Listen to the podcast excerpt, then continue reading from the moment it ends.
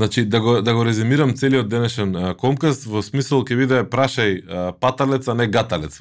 да, да, буквално е така, да, да, да.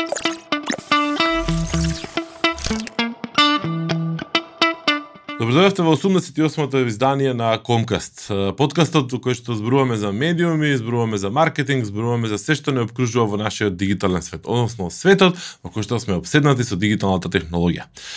И денес кодиме се на многу, не многу, малку различна форма, односно формат, што под влијание нели нормално на пандемијава која што не обкружува, што под влијание на заштеда на време, меѓутоа ќе зборувам побрзо затоа што ќе бидеме пократки и поекспедитивни, затоа што имаме супер гостин и затоа што ќе отвориме една тема која што до сега не сме ја дискутирале.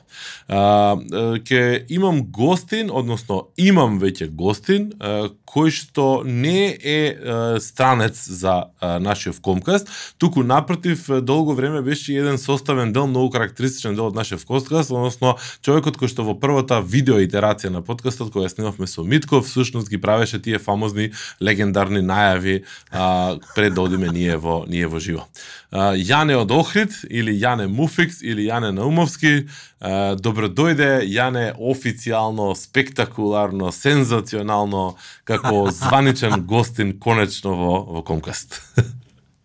Добре ве најдов, добре ве најдов. Конечно јас малце од оваа страна да не сум само анаунсер, така а, модерно кажано. Да, така. Убаво малци како гостин да бидам. А, Јане, долго време се немавме онака да комуницираме директно и кога ти пишав, нели, знаеш ли зошто те барам, ти веднаш онака се рече као, да те видам гостин на подкаст и толку многу ме израдува тоа чудо. Да, да, да, пошто имав желба. Многу голема желба да бидам гостин во Комкастов. А, еве, денеска желбата твоја е стварена. Те молам, представи ни се лично а, и кажи ја твојата лична карта и темата за која што ќе дискутираме денеска. Па вака, Јане Наумовски е од Охрид, роден 1983 година, во истиот град од мајка Ефимија, татко Борис, и ја добива матичната бројка 1.8. ами, ами, накратко, а, Јане, повеќе од 10 години работам како, мислам, имам искуство во дизајн, моментално работам во Ендава како UX лид, од дизајн повеќе сум фокусиран во моментов на UX, не само затоа што ми е поинтересно, туку имам и поголем предизвик. Од хоби чуваш куче. Одамна прекинав со со фотографија, сега шетам куче, мојот син Киано, али имам појачано на готвење, играње игрици и во моментов многу сум дарен навлечен на читање книги, да ти кажам. Браво, супер. Да, се навлеков така со пандемијава, супер ми дојде моментот дома. Одлично имав бајаги собрано, мора да се изчита. Беше дизајнер, имаш имаш искуство како дизајнер, сега си UX. Дали тоа значи дека секој што може да работи или треба да работи или работи UX, односно user experience, помалку ќе се обидеме да го издефинираме понатаму што е тоа, а, мора да биде претходно дизајнер или треба да биде претходно дизајнер или е претходно дизајнер пред да стане UX?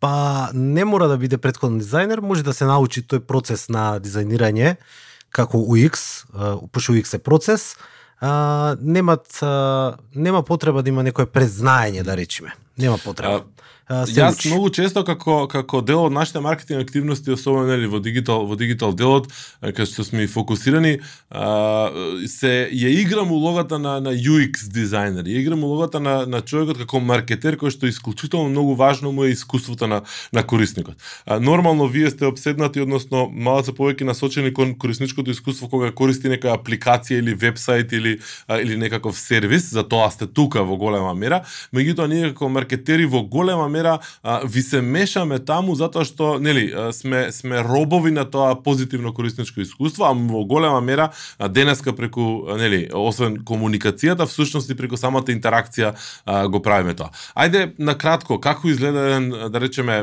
by the book а, UX процес, дефиниција, како изгледа твојата работа? А, има многу дефиниции за UX дизајн, а, најбитно да се знае дека е процес на истражување и дизајнирање. Значи има момент на дизајнирање а, во однос на како оди тој процес, а, накратко кажано, значи ние почнуваме секој пат од самиот почеток на еден а, продукт што треба да дизајнираме, било што и да е, А, значи почнуваме со клиент интервју, тоест интервју со клиентот, кај што ќе се запознаеме со тие бизнис цели на продуктот. А, потоа имаме user research, а, значи анализираме конкуренти, правиме интервјуа на корисници, цртаме персони, affinity мапи, а, имаме анкети правиме, wireframes цртаме и накратко тоа е. Тоа е накратко, потоа и да тој уидел. User interface Е сега, делот. персони, истражување целни групи, нели, бизнис интереси, конкуренција и така натаму. Мене се ова ми звучи маркетинг, а ти знаеш често да кажеш ја поима немам од, од маркетинг. да, да, да, да. Стварно немам поима од маркетинг, али да, реално пресекот на UX и маркетинг би требало да е така поголем малце. Блиско и соработуваме некогаш, али да, сепак јас сум поиќе фокусиран на тој делот за истражување на крајните корисници, па со тие информации можеме да се поделиме со маркетинг да да си ги распределиме тие информации од од истражувањето. Колку денеска е важен UX-от, значи како процес, како незаобиколен дел, како работа на која што треба да се внимава буквално во секој во секој еден дизајн, во секој едно производство на да речеме некаков сервис или или алатка или производ се едно. Па, UX, UX бил од секој пат важен, само што последно време конечно и фирмите и самите клиенти сватија дека е потребно повеќе време да се направи истражување, нели да ги запознаеме тие корисници, крајни корисници ги викаме, корисниците што ќе користат таа апликација или вебсайт или што и да е. Значи, од секој пат бил важен, ама конечно веќе шукюр а, сватија дека е многу битен тој дел и веќе се посветува многу повеќе време, значи се дава време од самите клиенти, од самите фирми, се дава време а, да ние го направиме тоа истражување за нормално да направиме попрецизен дизајн за крајните корисници. Сепак, ако имаме убаво корисничко искуство, корисниците ќе се задоволни и ќе се враќаат или плюс ќе ни дадат нови корисници на производот. А, дали и кои компании може да, да си дозволат вакво нешто? Пошто сведоци сме дека не сите прво временски, второ ресурси а, имаат, нема. Значи, колку е скап еден а, процес на истражување за потребите на, на, на развој на добар UX а, дизајн и а, дали постојат некакви, да речеме, шорткати денеска? Па, а, да ти кажам право, овој UX процес што е направен, е направен од UX дизајнер најверојатно, пошто е баш таков а, многу корисен. А, не мора да ги правиме сите чекори од целиот процес, све се зависи од буквално а, колку време ќе ни дадат, а, дали колку пари нели ќе ни да, дозволат, колку буџет ќе имаме за тоа истражување. Значи сепак а, најголемиот дел а, ако ние немаме доволно буџет нели да одиме да а, правиме интервјуа на крајни корисници, тие информации можеме да ги излечиме од Google. Google ни е најдобар пријател, секој пат ни е најдобар пријател. А, се дешават да немаме пристап до крајните корисници, најчесто во медицина, нели нормално немаш пристап до пациенти, до доктори, а, сестри, ако имаш а, пријател, некој може да се напрешмуваве, ама реално информациите на Google ги бараме, тоа е тој шорткат што го викаш. А, добро, а, дали и колкава разлика може да има, ајде не одиме во негативен дел, туку во позитивен дел, ако, да наречеме во развој на еден сервис или апликација или, или продукт, е, нели генерално кажано е, има или нема вклучено UX пошто денеска UX играат и маркетери играат и дизајнери е, мислам сите си играат улогата во дадена ситуација без разлика дали се свесни или несвесни за тоа Да, тоа ќе ти речев. Значи, многу често несвесно, еве да го скокниме тој UX истражување дел, несвесно ние ако имаме богато искуство позади нас како дизајнер или маркетинг, нели? А, ние тие работи ќе ги направиме од искуство. Значи, сме работеле долго време, 10, 15, 20 години, не знам ти колку имаш искуство, некои работи ги правиме буквално од искуство, од наше лично искуство, од предходни апликации, од култура, основна култура, значи такви работи. Сепак трпиме нешто и од нас. Мислам дека ќе се пронајшити во, во Апсолутно, муаветот, да, да, да, да. Да, да. Искуството е најбитно. Значи, како што одиш низ кариерата, се движиш, така нели собираш искуство и се помалци помалци трошиш време на, мислам, правиме ние ресерч, ама се помалце помалце трошиме време буквално на комплетен ресерч да направиш, пошто сепак имаш искуство дали е за цртање одредена апликација, тоа е креирање одредена апликација или си бил во таа индустрија предходно, па веќе имаш некакво искуство, така да искуството е нај најбитно. А, кои се основните начала на кои се базира UX и дали има тука простор за измислување на топла вода? Колку има простор за креативност во во во оваа работа? а, во UX моментот, значи UX процесов, а, нема многу простор за креативност, тоест има мал простор за креативност во однос на решавање на проблемите на крајните корисници. Тука ние имаме малце креативност, ама не во однос на тук пошто немаме немаме визуелен момент во во UX делот, а, тоа е веќе UI, она user interface како би изгледала таа апликација со бои, слики, а, дали има илустрации и слично. А, ние тука буквално работиме од самото истражување од податоците што ќе ги добиеме и правиме прецизен дизајн. Значи не е нешто креативно да речиш ќе измислувам сега еве нешто ново, ќе правам нешто за награда, не, него правиме корисни апликации или веб страни за крајните корисници, чисто тие да се снајдат. Тој креативен дел може да дојде покасно во user интерфейс делот.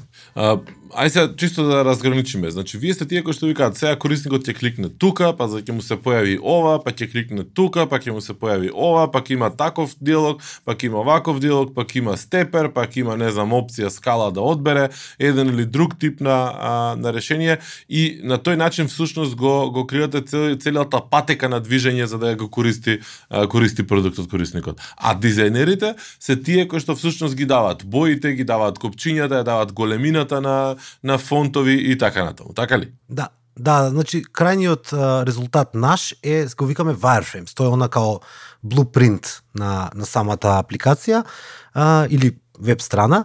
А, а потоа uh, уи дизајнерите, пошто ние сме дизајнери, даре молим те. уи да вреđаме. Да, да не се вреđаме. Uh, уи, значи user интерфейс дизајнерите над тие wireframes поставуваат боите од брендот, дали ќе користат слики, дали ќе користат илустрации, кои фонтови, кои бои, се е тоа нивно, дали uh, копчињата ќе бидат полни со боја со градиент или само бордер нели ќе им стават, тоа е нивна буквално нивна одлука. А, ајде да подискутираме малку за трендовите, па ќе сакам малку и за локално да те, да те прашам нешто. Значи, кои се да речеме, ако постои такво нешто како трендови денеска, кој ги сетира, кој ги дефинира, дали самите корисници всушност ги адаптираат и, и се прилагодуваат и ги развиваат тие трендови, или едноставно доаѓа, не знам, некој Apple, Google, Microsoft и вика, ова вака сега ќе биде, пошто ние мислиме дека е така, или пошто ние сме истражили и вие така сакате. Најчесто е некој голем, таков како Google, како Apple. Најчесто тие ги поставуваат трендовите, а, сите други ги следат. А, а тоа е во однос на она user interface делот, во UI делот. А, ама во UX а, трендови а, зависи технологијата. Например, а, во моментов поради пандемијава, нели, виртуелна реалност е се позачестено, говорни команди, augmented reality наредниве 5-10 години сигурно ќе биде бум, мислам 100% ќе биде бум. А, така да ние како UX дизајнери исто зависиме од технологијата, во кој момент сме. Ние ги, ги пратиме тие тие моменти, значи технологијата.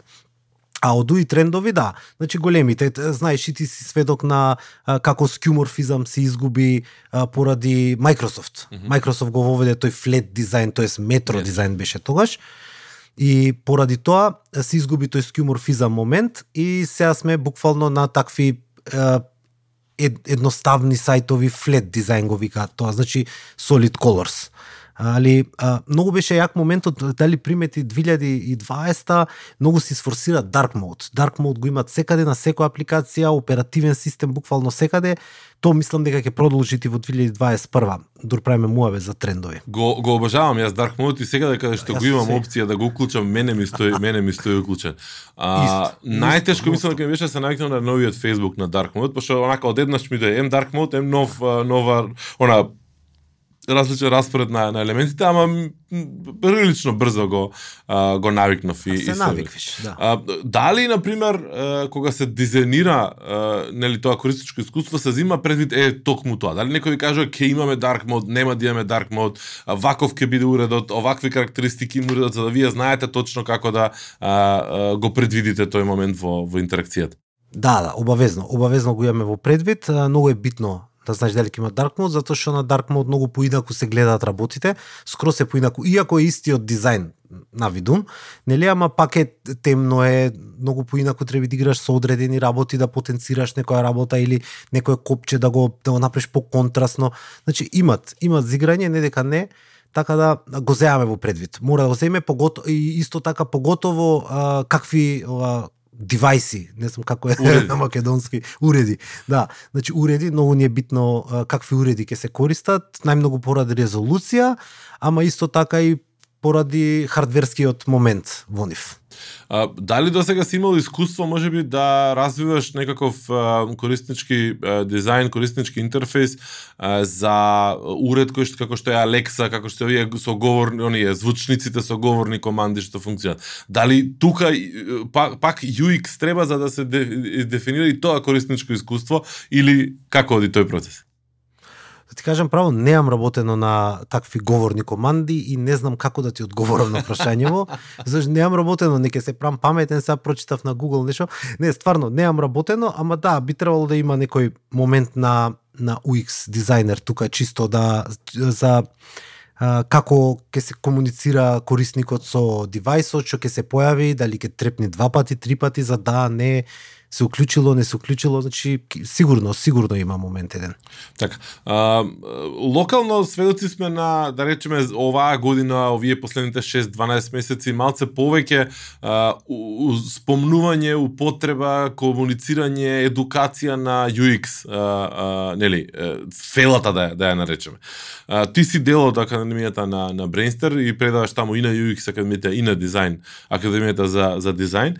А, колку таа заедница веќе се двои на UX експерти од дизајнери? Дали се двои, дали има као некој биф помеѓу а, помеѓу нив и како се развива таа тука локално? А, немаме некој биф посебен, Да. освен илустратор Photoshop, таков момент имаме. Да го поздравам Бане Кома само тука, пошто најчесто со него ми е биф од илустратор Photoshop, али Чекај, ти не дека зашто? Јас сум Photoshop нормално. Ау, извини. а, мада последно време на скетч сум навлечен, али не е битно, Photoshop ми е во срцево, од него почнав дизајн, иначе девелопер ке бев. А, не, немаме биф некој посебен, али да, се делиме, се делиме, бидејќи дизајн е едно големо дрво, да речеме. А, ние сме две различни гранки. Кога се расцепат тие нели две гранки на две различни страни, поинаков е процесот, поинаков е процесот на размислување, не само на работа, него на размислување. Графички дизајнери размислуваат едно, ние размислуваме скроз поинаку. Така да ни едните ни другите можеме да го да ја правиме другата работа. А, а во однос на UX дизајнери во Македонија, да, конечно исто а, почнаа да се фокусираат одредени дизајнери, нели порано беше дизајнер за све, така? Така. Сега веќе конечно се поделивме, а, имаме веќе баш вработување како UX дизајнери, вработување како UX UI дизајнери, каде што се помалци помалци се куца код, тоа е со на фронтенд HTML CSS и тоа е супер затоа што конечно можеме да се посветиме на она што ние го учиме, она ние што го работиме. Супер. А, Да. Дали дали е, можеме да речеме да очекуваме локално а, а, компаниите наши кои што функционираат на наш пазар а, да малку повеќе посветат внимание на UX затоа што моето досегашно искуство особено кај оние големите корпоративни а, софтверски решенија а, на десктоп нарочито се она као катастрофално а, ужасно да не речем. То за македонски производи или за македонски компании ме прашаш? Пошто не, имаат македонски компании што работат за надвор, знам дека работат и дека Да, знаат, раб, меѓутоа за да, македонски работиме баш компании кои онака што по пропис UX, да. А за нашиве производи а, не многу се размислува на UX моментот. А, еднаш ка правевме јас тимувавец за, за банки. Да. За банки да. и а, со нивните апликации. Мобилните верзии се тука така супер, а, веб, веб апликациите им се многу лоши, а, немаат многу лошо корисничко искуство имаат. Многу лошо корисничко, може да се подобрит. Не се не сме сите банкари да знаеме све што е како е таму. Значи може, може да се подобри тоа. Имат многу работа таму. А ја мислам дека е, така убрзано малце, пошто не снимаме прв пат. а меѓутоа доста доста добро доста добро а, поминавме низ темите. Јас се надам дека без немаше потреба да дефинираме некои основни работи за UX и UI дизајн, туку а, баш е добро да ги разграничиме овие работи за луѓето да ги знаат и но некоја ситуација да си седнат да речеме на својата вреќа, на своето а, на своето брашно. Затоа што а, јас имав искуство да бидам гостин предавач на Академијата за UX на, на Бринстер пред неколку, не знам, месец дена два И а, интересен момент беше што после неко, после моето предавање студентите се уште рано во својата фаза на, на едукација рекоа да мек па ова што го зборуваш ти е UX. И не дека не бев свесен, меѓутоа јас не се доживувам себе си како како UX. Јас тоа го зборував од аспект на на маркетинг, на маркетинг човек, на дигитал маркетинг човек, кој што во дадени ситуации нели ако треба ќе засука ракави, нели бук, не не буквално, за да направи вебсайт, за да смисли некаков, не знам, лендинг страница и контакт форма форма и и така натаму. Меѓутоа процесот е тој што ние го дефинираме како маркетери. На крај викаме еве ти на дизајн, еве му го на дизајнер, а, некако нека го среди да изгледа убаво, јас процесот е тој кој што нели сакам да го да го направам да биде соодветен за да знам дека нема да изгубам никој во во чекорот нели 1 2 3 5 додека не добивам добивам конверзија или купување или предфлота или што и да е. Колку вие во вашата работа сте фокусирани на тие бројки, на на real time data, на на оптимизација на продуктите што ги работите врз основа на реални податоци од користењето на самите на самите сервиси од страна на корисниците. Да, многу, многу сме фокусирани. А, многу често знаеме да читаме Google Analytics, да видиме тие bounce rate, conversion rate, такви работи, чисто да поправиме нешто а, кај што, например, ако имат bounce rate голем на некоја страна, значи тука корисниците си одват, не сме ги задржале, треба да ги поправиме. Знаеш и ти многу убаво A/B тестинг. A/B тестинг а, нормално и ние правиме, чисто да провериме поставеност на елементи, уи дизајнериве може да тестираат бои, позадини, фонтови, а, и слично. Така да, да, поврзано е многу, многу гледаме аналитики и мене ми се многу интересни тие аналитики, пошто многу знаеш, многу ќе дознаеш од тие аналитики како да поправиш нешто во дизајнот. Иако се само табели, бројки, нели? многу интересно и, и многу помагат ама многу помагат да направиш подобро корисничко искуство. А, колку, да речеме сега, овој тип на вештини, ако претходно се бил дизајнер, сега влегуваш во, во UX и тука спомнуваш истражување, па имаш различни методологии на истражување, спомнуваш аналитика, спомнуваш фронтен, Значи, какви се знаења треба да има еден, еден UX Uh, спремен, спремен да речеме сениор или или uh, за да може да се нарече себе си за UX, а не не обичен без никаква навреда дизајнер. ами пред се искуство, тоа е многу битно. Искуството е најбитно, истражувањето е процес кој се учи, не е нешто што треба да го знаеш што демек имам талент за UX, не него е процес, се учи тој процес, а, треба само да Да знаеш точно а, како да да го правиш тој процес, а, емпатија, многу битна работа во UX дизајн, а, можда и најбитното нешто во UX дизајн е емпатија, значи мора да имаш развиено емпатија. А, и тоа е, не, не, не треба нешто посебно, не значи а, не, не треба само само ако она што викаш сениор, искуството е тоа тоа што те од, одвојува од други да речам. Значи да го да го резимирам целиот денешен комкаст во смисол ќе биде прашај а, паталец а не гаталец. да, да, буквално е така, да, да, да.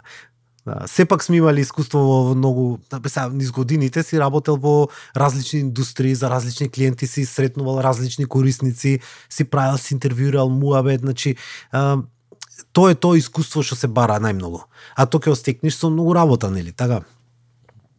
Супер.